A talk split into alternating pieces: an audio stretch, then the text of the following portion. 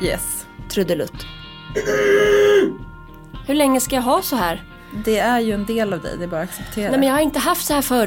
Det är ingen jävla del. Men du fick, Slem är du ingen fick del ju av mig. där röret, det var ju Nej, länge det- sedan. Ja men det var ju för att mjuka upp stämband. Det var ju...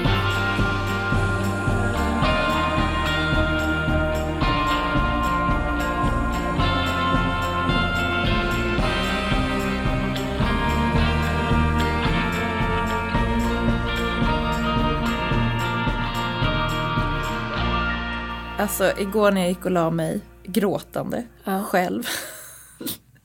så kände jag bara så här, nu drar jag. Ja. Eh, han får huset, alla pengar som finns i huset. Han kan sälja missionshuset och så kan han bo kvar där tillsammans med mina barn för alltid. Och jag drar till Berlin. Mm. Kul. Vad var det som fick dig att känna så när du gick och la dig igår kväll? Alltså jag tror inte att eh, vår familj är gjord för att ha lov. Nej. Vi, vi är liksom inte bra på att skapa egna strukturer. Vi behöver att samhället skapar dem åt oss. Nej men du, vi har ju rätt ut det här med de här högtiderna som är lite luddiga i kanten har ju du styrt upp redan.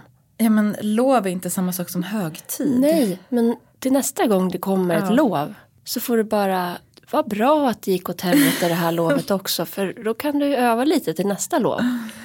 Vi håller också på att eh, avvänja Hilmas eh, nappberoende. Åh shit. Det är tunga grejer. Det är tunga grejer. Vi hade tre dagars fyraårsfirande, fredag till söndag. Nu är min kusin och hennes mamma och hennes barn hemma hos oss och bor i källaren. Och det är jättemysigt. Men eh, du vet, det blir som en extra grej som man bara, men jag vill ju hinna hänga med min kusin som inte jag har träffat på tre år typ. Så därför vill du dra till Berlin istället. Skiter i allt. Ja, jag tänkte till och med säga, jag bara, Elin sorry, Magda sorry. Aja. Jag drar nu. Okej, men det var, tack för den här tiden. Tack för den här tiden. Ni klarar er bra utan mig. Ja, eh, nej det gör vi inte. Sen kom Milo klockan fyra på morgonen. Så att jag känner att det här är en toppendag. Kul, ja, men då b- goda förutsättningar för intressanta samtal. nu kör vi igång.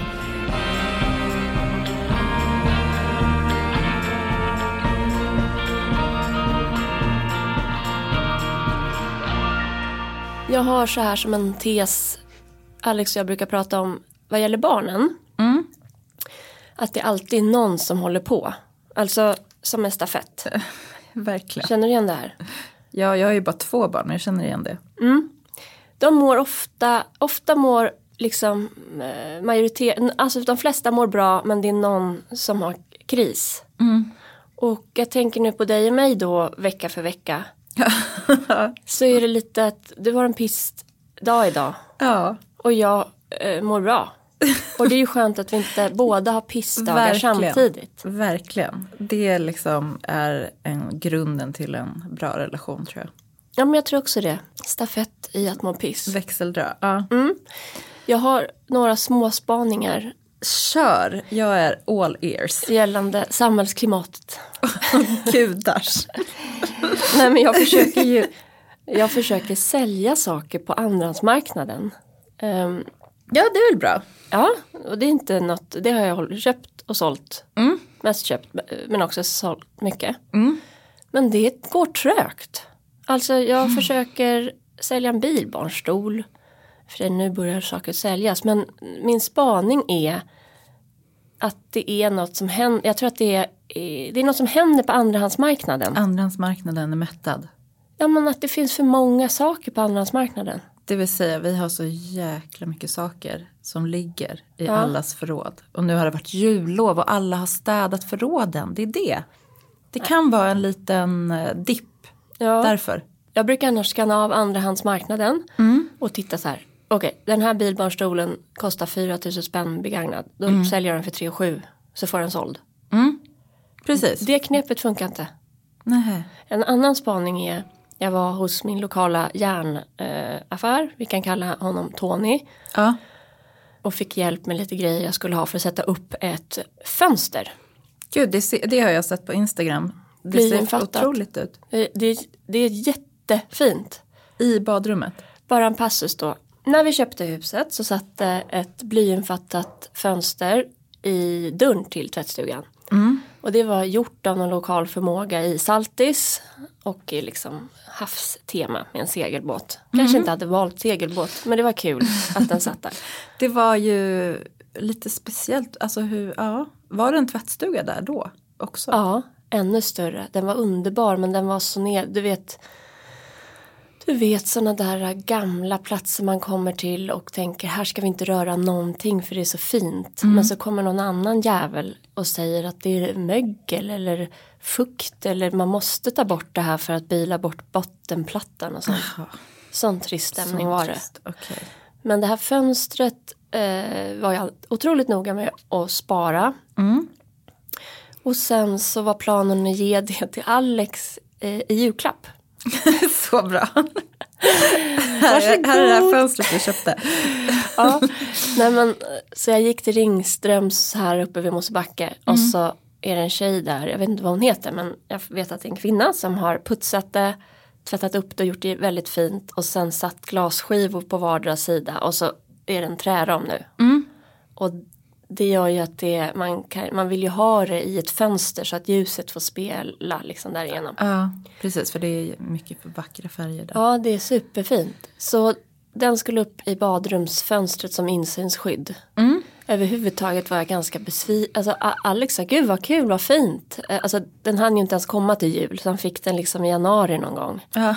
Men jag tror det här är mer en present till mig. Jag vet inte.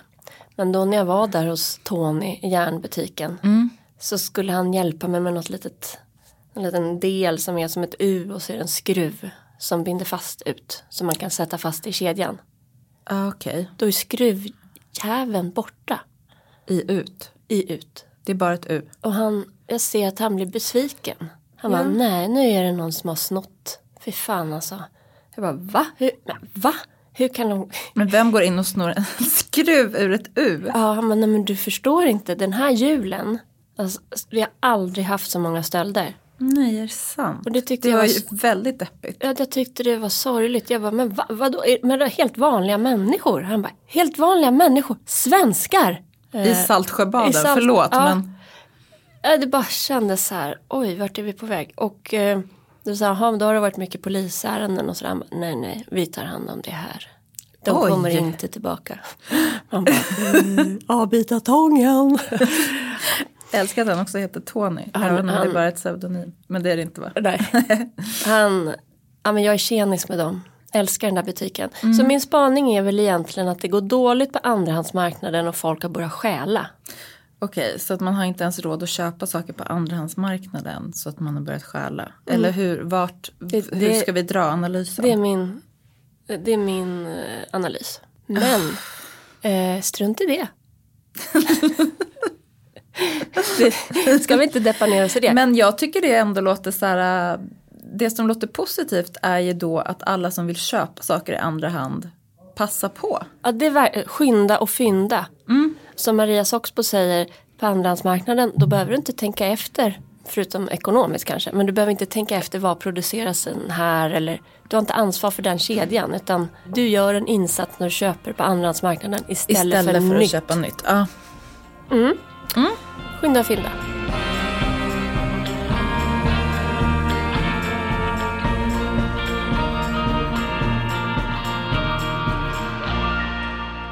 I senaste avsnittet så pratade ju vi om lite trendspaningar. Sen finns det ju liksom en annan sorts spaning som eh, krokar arm i den generella trendspaningen och det är ju vad vi själva är sugna på. Ja, för när vi hade spelat in avsnittet Alltså ni vet de där, mm, ofta är det lite bra eftersnack som man borde ha spelat in också. Men då sa vi båda ortodoxt. Det ortodoxa vill vi ha. Ja, Det kan ha ett helt eget avsnitt. Och det vill vi ha. det vill vi ha. Det är ju faktiskt en helt sjuk, ett sjukt sug. Ja. Men då sa ju du så här, det har att göra med Ryssland och Ukraina. Det är min ena spaning. Det vore inte helt orimligt att man blir nyfiken på, liksom för att vi får se bilder från Ukraina, Mm. vi träffar ukrainska medborgare här i Sverige. Det finns ju ryssar som inte är onda, det är ju Putin som är ond. Ja, ja, Eh, så absolut. hela liksom, den kulturen eh, och estetiken gör sig påmind. Mm. Så det tror jag spelar roll. Eh, Men så, så vi grottar in oss i det ortodoxa. Ja, det här blir verkligen snillen spekulerar. Ja. Men ehm, för mig så tror jag att det började med att eh, min bästa kompis Sofia, eh, hon är halvgrek. Och nu har hon byggt en underbar liksom, platsbyggd bokhylla i vardagsrummet. Som är jätte, jättestor och där det finns plats för både så böcker och vackra grejer i en härlig blandning. Och då har hon tagit, plockat fram liksom sina gamla ikoner. Guldpläterade ikoner från typ- Grekland. Jesus. Ja, Maria, Maria. brukar det vara. Och någon Jesus. Och jag blev så himla sugen på att ha ikoner hemma. Sen är jag också jättesugen på snidat trä. Framförallt snidade träramar. Jag har ju tjatat under eh, poddens gång om det orientaliska. Och jag tycker ändå liksom det här österländska, europeiska, det måste vara influerat av liksom lite Iran och Indien och Ja, IS. Tänker jag också. Nej men förlåt. Jag, jo, men, jo, men reli, religionen har, har haft stort, liksom spelat stor roll under många år. Som vi har gått från unga vuxna till gamla vuxna. Och eh, det finns Ja, ju det har ju verkligen varit liksom korståg från George W. Bush och Ja. eh, islam. ja, ja, bin Laden. motsvarande. Du vet. Ja. Det, liksom, och nu skojar vi om det men om man eh, det här är ju inte en podd som ska handla om eh, liksom, trosuppfattningar och vad som är rätt och fel. Men det är en kontext som vi har tagit del av under lång, lång, lång tid. Och om man går in i kyrkor eller tempel eller moskéer och se, så är det ju otroligt vackert. Alltså det är hantverksskicklighet, alltså top notch. Ja. Och det där inspirerar ju. Precis. Det är ju, man la ju allt krut på de där kyrkorna. Och i den ortodoxa kyrkan har jag läst på nu så är ju kyrkorummet är liksom som en försmak av paradiset. Typ. Mums. Så att, exakt, mums. Det vill man ju ha. En försmak av paradiset. Verkligen. Men, jag, Men, ja, nej, men på tal om det där, eh, liksom ett litet altare. Eller då som Sofia har satt upp sina ikoner där. Så på nyår var vi ju hos Agnes och Nicke och eh, jag tror inte att religionen spelar en jättestor roll i deras liv, men jag ska, jag ska fråga. Ja. Men framförallt så hade de en byrå där det var liksom ett stilleben med bara ikoner och Jesusfigurer och ljus och så. är det sant? Och, och det var så mysigt. Men alltså, jag tycker att det här faktiskt också knyter an till det vi pratade om med Freddie Palm. Stjärna. Stjärna. Eh, för då pratade vi ju om julkrubban. Och eh, liksom den heliga skriftens roll i julfirandet. Jag läste faktiskt eh, Mumintrollen Granen på tips från en följare. Jag Eh, läste på julafton. julevangeliet. Du, du gick liksom all in. Alltså inte med min nuvarande familj utan jag firade lill-julafton på juldagen med Ingrid och hennes pappa Erik. Aha, För han är, är, är liksom pretentiös nog att uppskatta det. Så då, då tog jag dem till skatteskrivningens tid. Åh gud, vad spännande. Men jag tänker att det också då har att göra med liksom någon slags sug efter ritualer. Och eh, att känna igen sig och det är intressant det här du sa med, om kyrkorummet. För det är ju också fortfarande ett av få rum där man kan komma in och känna liksom Andakt. andakt, precis. Tystnad, stillhet, få liksom en paus från alla så här budskap. Det är ju lite ironiskt för det började ju med att kyrkorummet var liksom den enda platsen där man typ fick ett budskap antar jag. Mm. I hamrat i huvudet. Men nu är det som att, det är liksom, att man är fri från alla både kommersiella och inte vet jag, bara så här flöden Trådar. som bombarderar en. Trådar, ja. Ja, det är ett tyst rum. Det är ett tyst rum, ja. Ja, det är i alla fall ett, en inspirerande plats så kan man inspireras på vilken nivå man vill. Men mm. estetiskt så den ortodoxa liksom, tråden för mig, nu pratar vi nämligen trådar, alltså det kommer av mina de här banden jag har uh -huh. hållit på och tjatat om. Men uh -huh. Eriks familj, Ingrids pappas mm. familj, de hade vid påsk, ifall det är någon som har missat, dukade de upp med sidenband över påskbordet, alltså mm. på längden. Och det här eh, fick jag, liksom kom jag på i höstas och kände att det vill jag ju göra. Mm. Och så köpte jag egna band och la upp dem så. Och så frågade jag lite, men var kan det där komma ifrån? Och då var hobbyanalysen typ från hans familj så här, äh, ingen aning men hon var ju finlandssvensk och kanske så här rysk ortodox inspiration. Jag tror att jag nu när jag snabbgooglade ortodoxa kyrkan såg att det är en av eh, två statskyrkor i Finland faktiskt. Ja, och då finns ju den här sjalen, nu är den mycket bredare, men den är ju en symbol alltså som prästerna har. Mm. Det är en symbol för när Jesus korsfästes så hade någon rock. Eller Var han inte naken? Jo, jag blev också fundersam, men han hade väl kanske en liten sjal uppe vid nacken då. Och den ja. hänger de ju, har du inte tittat på det nu? Runt tavlor och jo, ikoner och så. Du skickade ju en Pinterest-länk till mig igår ja. och då hamnade jag i liksom ortodoxa Ukraina. Var det inte kul?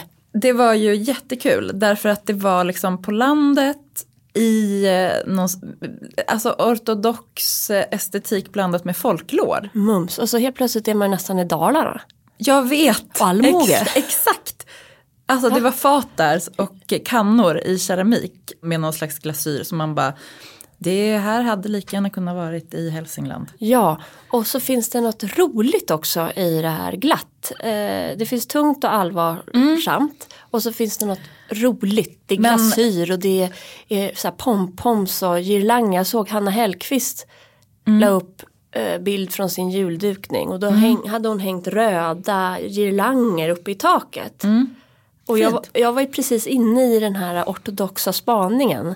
Och det är samma med Mumintrollen.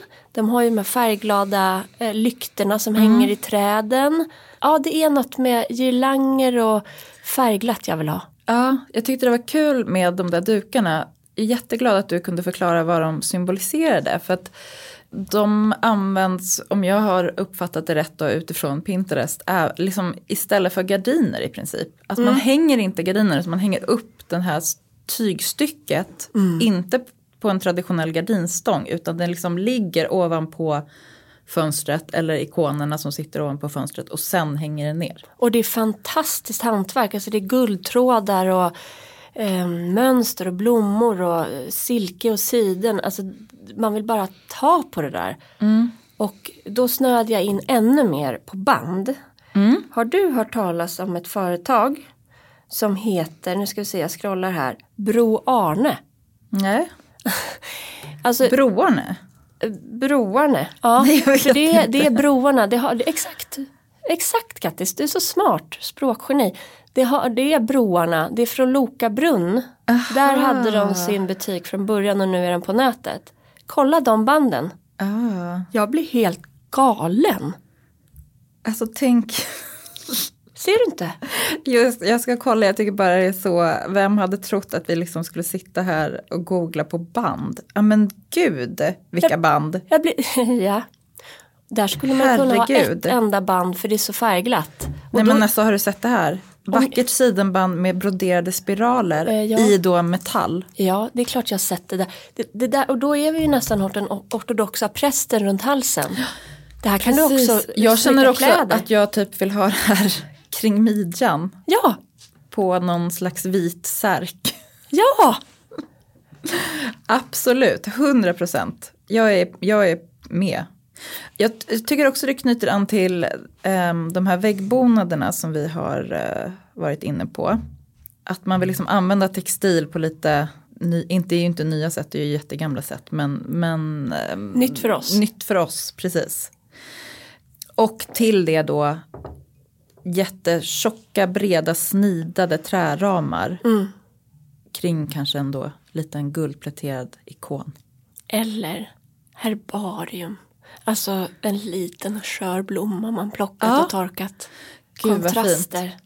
Precis, för jag eh, har slutat googla liksom på konst och försöker bara hitta vackra ramar. Ja, De kan även vara i guld. Guld, man bara vem? Men jag sa ju att jag hade blivit sugen på mässing igen.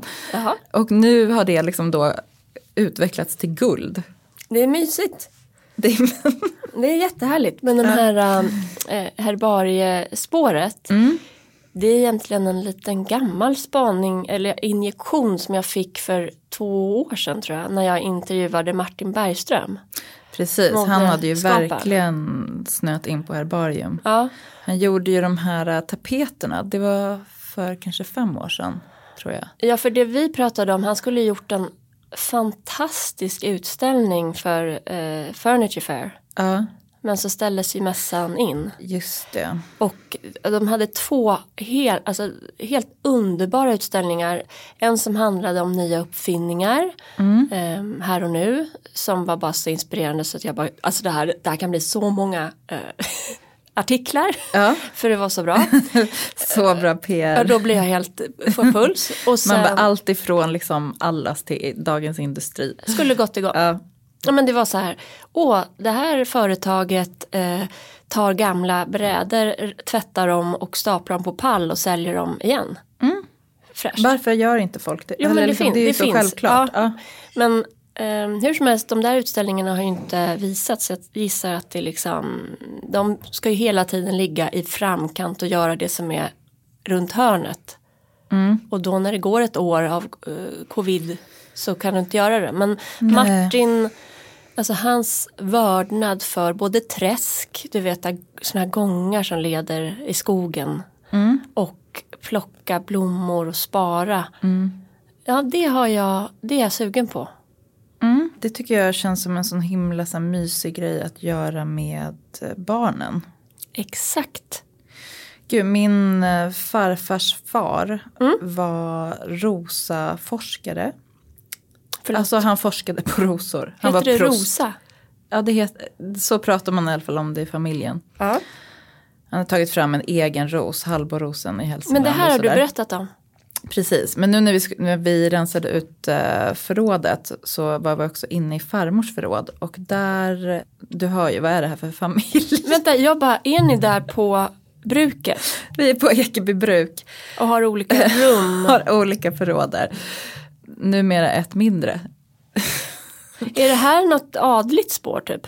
Det här är inte adligt. Det här är liksom någon slags forskarspår. Ja, kul. Och präst, han var ju prost också då. Ja. I Hälsingtuna kyrka. Din Eh, farfar? Farfars far. Farfar levde väl då i skuggan av honom och hans storhet. Var om jag förstått det rätt. Medioker person. Ja, han var ju liksom, han var med om en motorcykelolycka i Berlin typ. När var- han var ganska ung. Han var väl liksom rikebarns, eh, rikemansbarn som fick åka till Berlin och Köra ihjäl sig köra, nästan. köra ihjäl sig nästan. Och sen blev han liksom invalid och eh, alkoholiserad. Trist. Så det var, det var en trist historia. Jag har aldrig träffat någon av de här två männen.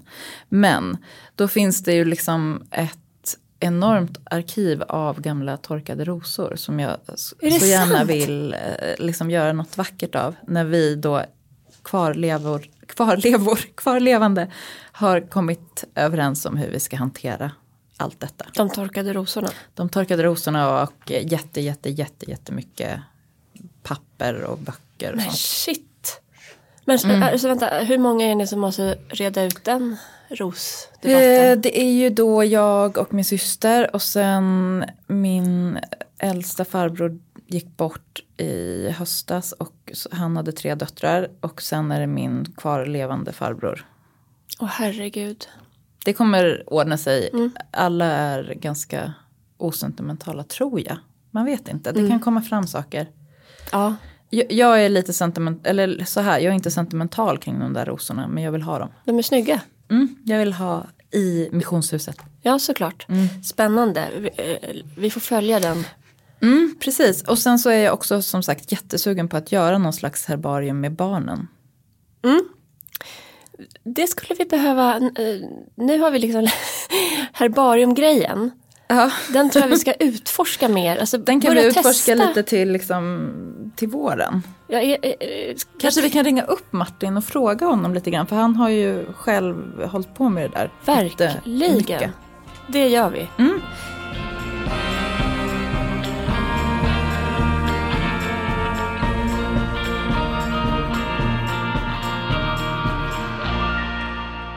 Ortodoxt. Ja, Det ja, första jag tänker ja, är jag skrattar Oh. bara för att det är sån konstig inredningsstil. Man bara den ortodoxa Ja, inredningsstilen. mm, det är det som är, vi vill ha. Oortodoxt, det är väl egentligen det begrepp som man använder mest Ja, i förhållande till ortodoxt.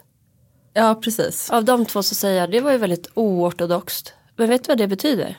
Alltså det betyder ju att det inte var enligt konventionen. Precis, alltså att det, exakt. Så, Okonventionellt. så vi vill ha konventionell inredning då. Ja, men gud vad spännande. Ja, det är det vi håller på med. Det är det vi håller på med. Back to the roots. Ja, du, jag har tänkt lite mer på det här med ljusen och stearinet. För att jag Ja. är också jättesugen på kandelabrar. Med jättemycket stearin som liksom samlas högt upp. Så att man får en hals, nu är vi tillbaka till halsen. Så att det är ljusstakar eller kandelabrar på fot där det liksom rinner bara högst upp där ljushållaren eller ljusmanschetten är. Ska du säga till ljuset att det är så den ska bete sig? Eller hur? Jag tror att man genom att eh, se till att de står i lite drag kan åstadkomma detta. Ja. Jag ska, jag ska experimentera lite hemma. Vad har du under då? Typ vårt marmorbord. Ja men det är bra. Mm, kan man skrapa på. För jag brukar ju ställa på böcker så här. Ja, Då får man se till att översta boken inte är någon som man älskar. ja det får man. Men hur går det för dig?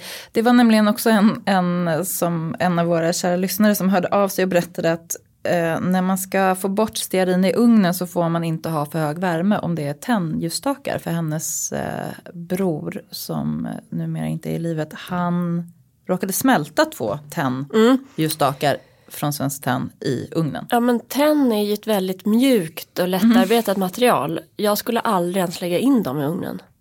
Nej, men nu höjer vi en varningens finger för det. Ja. Testa inte att stoppa in en Nej, tennljusstake. Jätte, jättebra. Men hur går det för dina, att, med det här äh, stearinarbetet? Det som händer med mig i januari. Mm. Först är det trauma då att julen ska ut. Fast jag tycker det är härligt. Det är som att riva av ett plåster. Och sen vill jag ha glasvaser och krisp och allt det där vi pratade om sist. Men jag vill också gå igenom förråden och styra och bunkra liksom. Så som man gör på hösten för att bunkra upp och klara hösten. Ja. Så vill jag liksom ha ordning och organiserat i mina ljus och manschett och servettlådor. Eh, Det är ju bra för då slipper du liksom den chocken när man plockar fram dem sen. Exakt. Till, inför vintern och bara oj det här var Ja, inte så kul. Nej men och det är ju dagligdags, alltså jag har ju sånt eh, rekvisitaförråd. Ja. Men det är ett jäkla meck med stearin och jag vill också ha ett höjande finger här i luften för att göra ljus själv med bivaxplattor. Mhm. Det droppar en del. Bivax, eh, vi älskar bivax men det kräver lite jobb. Vet du vad kan jag tror? vår samlade erfarenhet sammanfattas. Vi gjorde ju massa ljus här förra veckan av stumpar på Ingrids initi- initiativ och då Ja. fanns det ju väldigt mycket kronljus i bivax, alltså små stumpar kvar. Ja. De smälte vi ner och satte i ett glas. Ja. Det blev ju perfekt. Jag tror jag ska gå över från de här plattorna nu till liksom riktiga ljus istället, kronljus och Okej. de rinner inte så mycket. Nej. Kul. Gud vilken inspiration. Okej, men det här med att vi vill tillbaka till konventionerna, vad betyder det? Trygghet. Vi vill att vi behöver bygga upp våra borgar nu. Det är samma som jag skrev igår tror jag. Att jag är ju Tove Jansson-bubblan. Och den bara fortsätter. Nu, igår gick jag till tippen där Ica ligger. Och bibblan och sånt för att snuset var slut. Vilket gjorde att jag fick en promenad. Jättebra. Och lånade alla böcker jag kunde hitta om Tove Jansson. Ja, spännande, vad härligt. Ljuvligt. Och så fick jag tips av en följare som heter Peter. Jag säger inte ditt efternamn ifall du vill vara anonym. Men han, på Sveriges Radio så finns det massa material med Tove Jansson.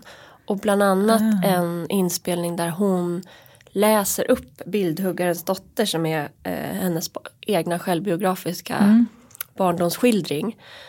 Och när jag då var där på tippen och eh, lånade de här böckerna då tittade jag på bilder i en av de här böckerna eh, från alltså, verkligheten. Och har man tittat på filmen om Tove Jansson, spelfilmen, så vi pratade så mycket om, eller jag var helt eld och lågor över eh, scenografin. Precis. Men den är ju copy-paste på verkligheten. För det fanns ju foton från den tiden. Och då är det bland annat över hennes säng en så här äh, guldbrokad, alltså träsnides grej som en sänghimmel utan textila partier. Plötsligt kände jag sänghimmel. Kan det Ja. vara något? Det kunde vara något. Och då är, är ju också en förlängning av att skydda sig. Ja, precis. Så himla mysigt faktiskt att sova i sänghimmel. Ja, eh, jag tänker det. Att, det. att man bygger som ett litet tält där inne. Mm. Jag tror jag vill ha, alltså jag föredrar sådana här eh, i lite tunnare linne så att man ser ut lite. Men Titt ut. titta ut. Ja, Alltså jag vet inte om jag skulle vilja ha total eh, brokad. Nej, den där känner jag, jag skulle nog få ångest av att sova i den där sängen med ta, det är som en jättekrona som kan ramla ner när som helst. Jag tror inte ens, Det låter härligt tycker jag. ja, titta då, du ska få se. Eh, annars så, om, när vi ändå är inne lite på Tove, så är det Boel Westins biografi som jag har fått tipsat ska vara the shit. Okej. Det var väldigt tungt att gå hem med alla de här böckerna. Ja. Men fanns det mycket bilder? Jättemycket bilder. Särskilt i en som är skriven av Petter Karlsson. Muminvärlden och verkligheten. Tove Janssons liv i bilder. Den är Åh. jättehärlig. Den låter väldigt inspirerande. Mm. Så jag får återkomma. Jag håller på att lära känna henne nu. På djupet. Mm. Men det är good shit. Och det är ju det här, äh, den estetiken som tog, tog, tog mig på något sätt till det ortodoxa. Jag vill ju ha Det var ju det här Thai-tyget. thai-tyget. Ja. Men allt går igen på något sätt. Eh, Alltså, det är ju lite mer egentligen kanske från Indien. Och, men det är, det är något med att världen kommer hem till en utan att man behöver resa. Det är som min, den här kökssoffan. Den som på auktionet bara hette orientalisk. Men jag skulle gissa att den kommer från Indien. Ja, Med så är- här benintarsia. Ja, Eh, Den är ju faktiskt eh, spot on. verkligen. Har jag inte tänkt på förrän nu. Nej.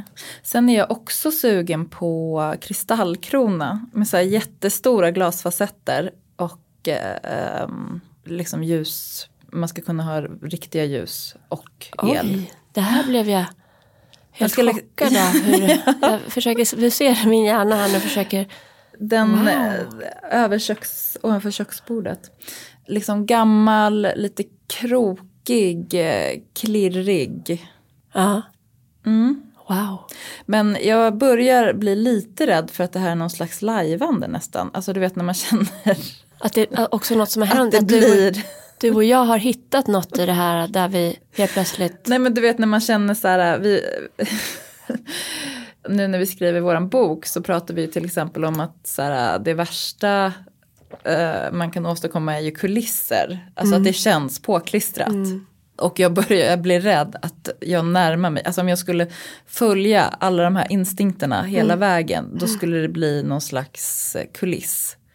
Det vill säga, du vet, Eh, det skulle ju inte vara shabby chic eftersom det är en annan stil ett och eh, det skulle vara gamla saker på riktigt. Exakt. Men det kan bli lite samma känsla.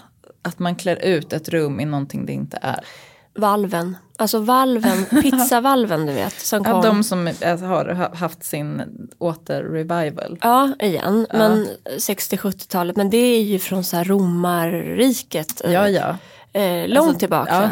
ja. Eh, Det måste ju vara så här- och allt där. En av de tidigaste byggteknikerna tänker jag. Ja, och arkitektoniska elementen. Ja. Och det kommer ju tillbaks valven i den ortodoxa inredningen. Ja. Men det tänkte jag nämligen på att valv är ju aldrig fint, alltså ingenting är fint om det inte känns på riktigt. Mm. Och det är därför vissa hus som har sådana valv, eh, när man köper en lägenhet, jag vill inte ha det här valvet, det är fruktansvärt. Det är för att det är ju pastisch, alltså det är ju på låtsas. Mm. Ja precis, det är en kuliss på riktigt. Alltså det är verkligen en kuliss som Ja. är liksom uppbyggd av typ papp. Så, Nästan. så det, det, där får man vara försiktig. Men jag träffade nämligen på ett valv i helgen som var väldigt fint. Mhm. Det var, vi var på middag hos vänner och de bor i ett 60-talshus också som visade sig vara typ hur stort som helst. Man bara gick in efter rum efter, alltså jag känner att vi köpte ett litet 60-talshus.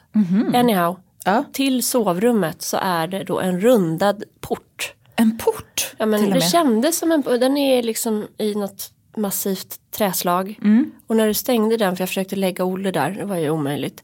Eh, så blev det knäpptyst. Åh, och, då gud, vad skönt. ja, och då berättade de att det där var ju en sån där grej som de bara, den ska bara ut det första när de köpte huset. Men så visade det sig att budgeten inte räckte, de kunde inte prioritera det då. Mm. Och så nu ett gäng år senare så är de så glada över att de har den där dörren. Och Ja. den har suttit där sedan huset byggdes. Ja.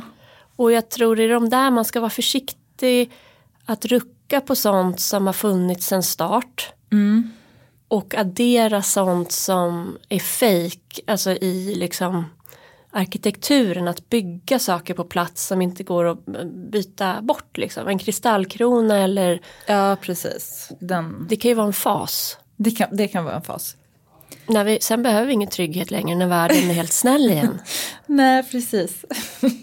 Då kan jag få flytta till missionshuset. Där är jag fortfarande lite så här, ett, fortfarande i chock över det här taket som vi måste lösa. Jag ska vänta ut nu att samma sak som har hänt på andrahandsmarknaden ska hända i byggbranschen. Mm, Och priserna kanske blir lite bättre. ja. På 90-talet där, när, när, förlåt, men när Ja. mina föräldrar eh, gick igenom en sån här liksom, ekonomisk kris tillsammans med en stor del av resten av Sverige och världen. mamma pratade om det häromdagen. Hon bara, vi hade en höst när vi hade räntor på 25 procent. Ja, Det är så här, jag kommer ju liksom från ett medelklasshem och mina, vi pratade aldrig om pengar men jag kommer liksom ihåg oh, ja. den här 90-talskrisen. Ändå. Ja, det var ett trauma hemma hos oss, verkligen. Alltså det hade ja men ni fick väl flytta? Ja, det fick verkligen stora konsekvenser för att vi, passus då, men vi flyttade från Hälsingland till eh, Roslagen och så skulle mamma vara hemma med mig över den sommaren för jag, ja, det var ju sommarlov och jag hade inga polare. Och så skulle hon söka jobb och så till hösten och då bara slog den här ekonomiska krisen till. Så det lilla arv som fanns efter mormor och morfar som hade gått bort det liksom åts upp av räntor bara. Tjoff. Men det jag skulle komma till att då anlitade man ju typ så här Kom ihåg, svart arbetskraft för snickeri och sånt där. Var det då det började? Jag vet inte men, men vi tar det svart. Jag undrar om sånt kommer öka nu igen. Men nu finns ju liksom ändå rot och rutavdragen. Ja, Men du tänker att det kommer liksom bli ännu billigare att ta det helt svart? Jag vet inte. Jag bara, det här är på min spaning av att folks själ. Att folk stjäl, ja du har säkert rätt. Mm, Alltså, det är liksom förlängningen av att stjäla skruv i den lokala järnaffären. Det är att stjäla från staten.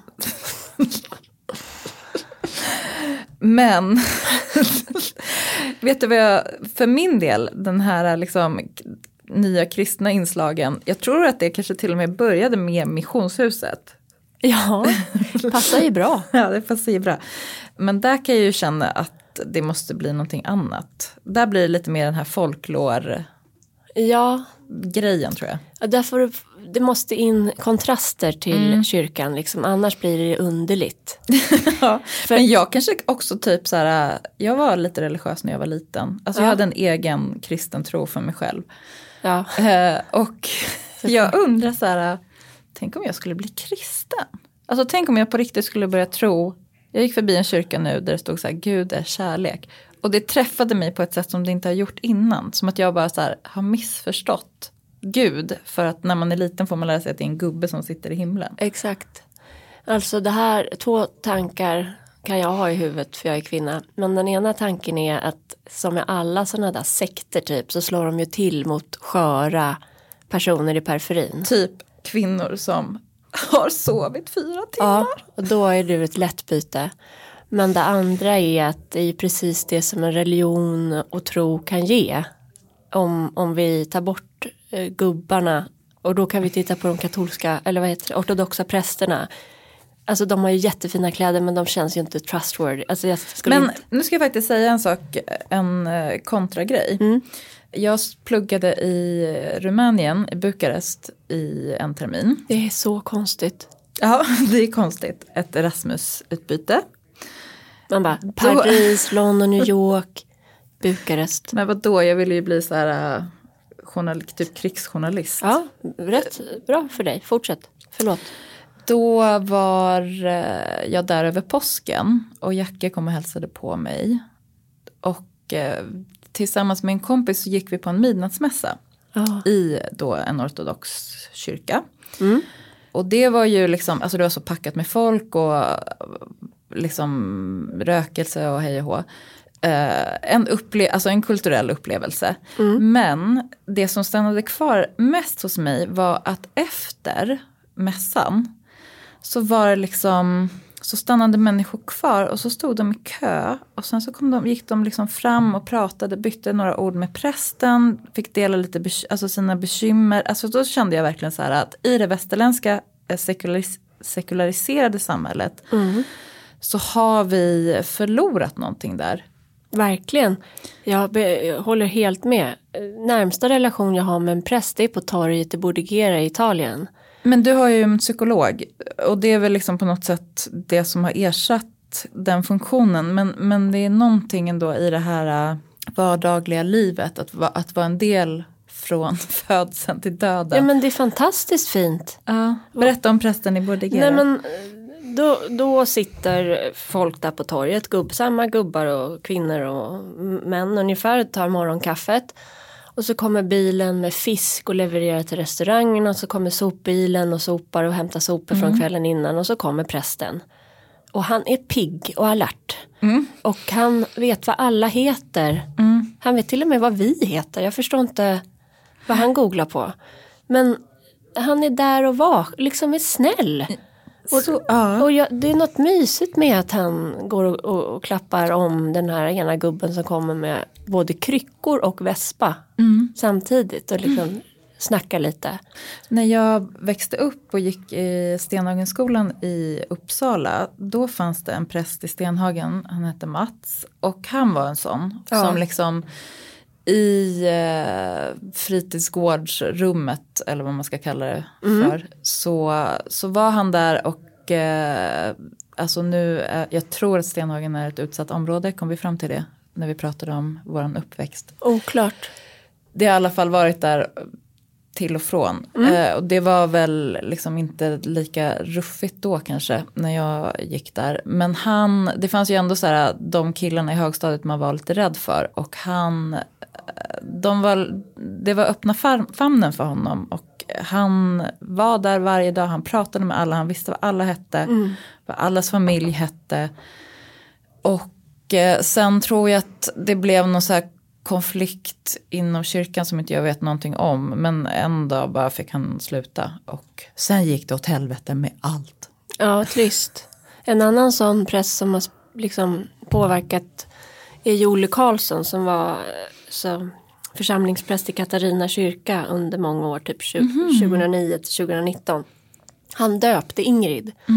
Men han höll ju mycket eh, så här mässor och sånt i Allhelgonakyrkan också. Okej. Och till slut blev det värsta folkrörelsen så han hade liksom fulla hus. Är det sant? Och det är ju något med att tro på eller en gemenskap. Precis, det är någonting med en gemenskap och det är någonting med att så här, bli sedd. Utan att behöva betala en psykolog för det. Ja, och att någon bryr sig. Alltså, jag- för att på det sättet så, så märker man ju också att samhällsklimatet Alltså samhället har tagit ett steg tillbaka kan man väl kanske säga. Och nu när människor har det svårt så måste de vända sig till kyrkan. Det är de som delar ut liksom Soppa.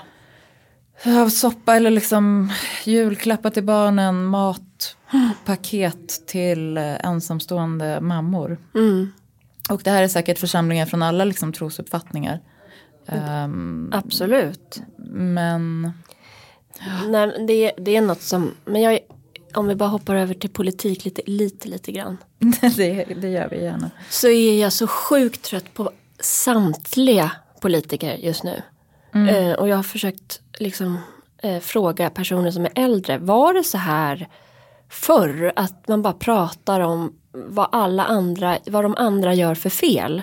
För jag hör ju inte bruset vad, Det är ju ingen som säger vad de vill göra. Det är ju liksom... nej, jag fattar, vad vill, parti som jag röstar på, vad vill ni? Jag, jag vet Framför inte. allt så är det så här.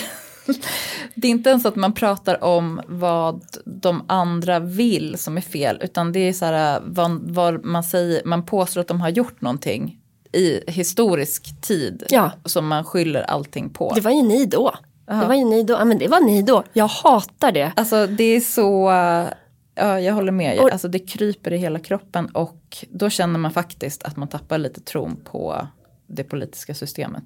Och då rör vi oss mot kyrkan och det ortodoxa. Men gud, så är det. Kanske. Och här behöver ju liksom eh, politikerna och staten eh, alltså levla upp eh, faktiskt. Och då är det ju så att det är vi som är stat, alltså vi är ju Det är ju vi som är är det. Sverige. Alltså nation, vi är ju nationen. Ja men det är så lätt att eh, peka på dem. Ja, Men det är vi som ska bry oss om varandra. 100 procent. Amen.